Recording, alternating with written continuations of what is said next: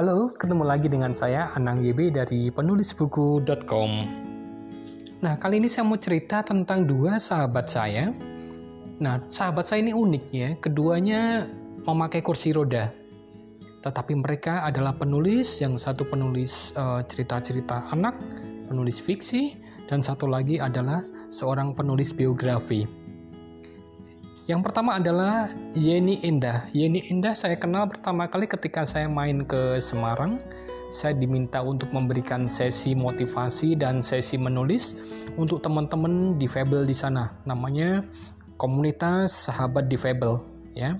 Ada teman yang tunanetra, ada teman yang uh, memakai kursi roda, ada juga teman-teman yang tunarungu banyak banget sekitar ada sekitar 20 sampai 30-an orang hadir di situ.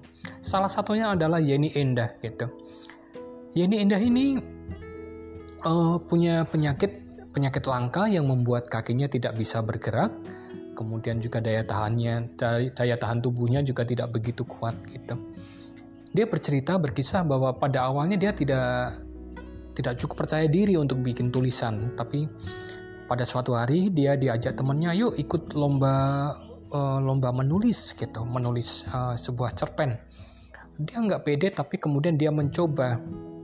Nah untungnya dari lomba itu kemudian naskahnya lolos bahkan bisa masuk ke kumpulan buku yang disebut buku-buku antologi. Jadi dalam satu buku ada beberapa karya gitu.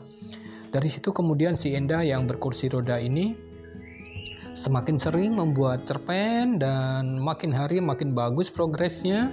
Dia banyak mengisi harinya dengan menulis. Selain aktivitas yang lain, dia juga ikut pelatihan-pelatihan menulis di komunitas difabel.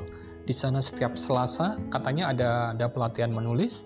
Kemudian dia coba mengirim ke koran, mengirim ke majalah.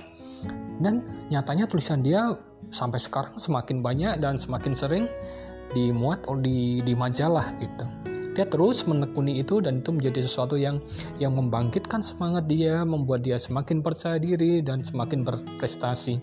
Dia juga sudah diminta untuk mengisi di banyak event. Teman yang lain adalah uh, sahabat saya namanya Habibi Afsah. Ya, dia berkursi roda juga. Kalau teman-teman cari di internet, di YouTube, dia dia punya banyak sekali video-video di situ.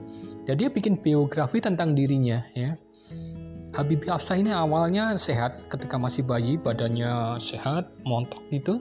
Semakin hari tubuhnya semakin lama semakin uh, lemah, semakin mengecil. Bahkan ketika dia ketemu saya, dia hanya bisa menggerakkan dua buah jarinya aja, gitu.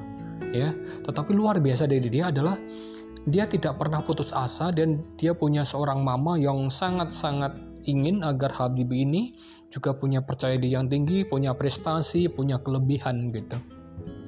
Maka Habibie Afsah ini didorong ibunya untuk menjadi seorang internet marketer, ya. Dan luar biasa banget dia menjadi seorang affiliate atau seorang pengiklan penjual barang di Amazon gitu. Dia bahkan pernah uh, bisa mendapatkan penghasilan 200 juta dalam sebulan gitu. Nah, dalam kisah biografinya dia berkisah bahwa sebenarnya dia sudah di di di deadline sama dokter bahwa umur dia hanya sampai usia sekitar 20-an gitu. Nah, dia ketika datang kepada saya minta dibantu untuk nulis buku, usia dia sudah sudah dapat bonus 2 tahun gitu. Nah, dia mengisi hari-harinya dengan bonus usianya di mana kalau menurut hitungan dokter dia sudah sudah meninggal tapi sekarang dia masih diberi bonus. Bahkan sampai dengan hari ini dia masih sehat tapi tetap harus dengan berkursi roda. Dia membuat buku gitu. Dia membuat buku dan dia berbagi kisah gitu.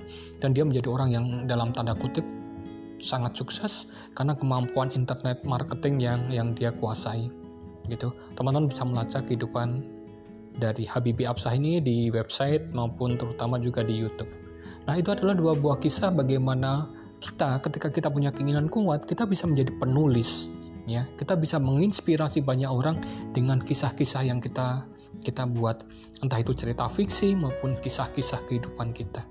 Jadi jangan ragu untuk selalu menulis, selalu berbagi karena dengan cara itu kalian menjadi seseorang yang bermanfaat buat orang lain. Oke, okay,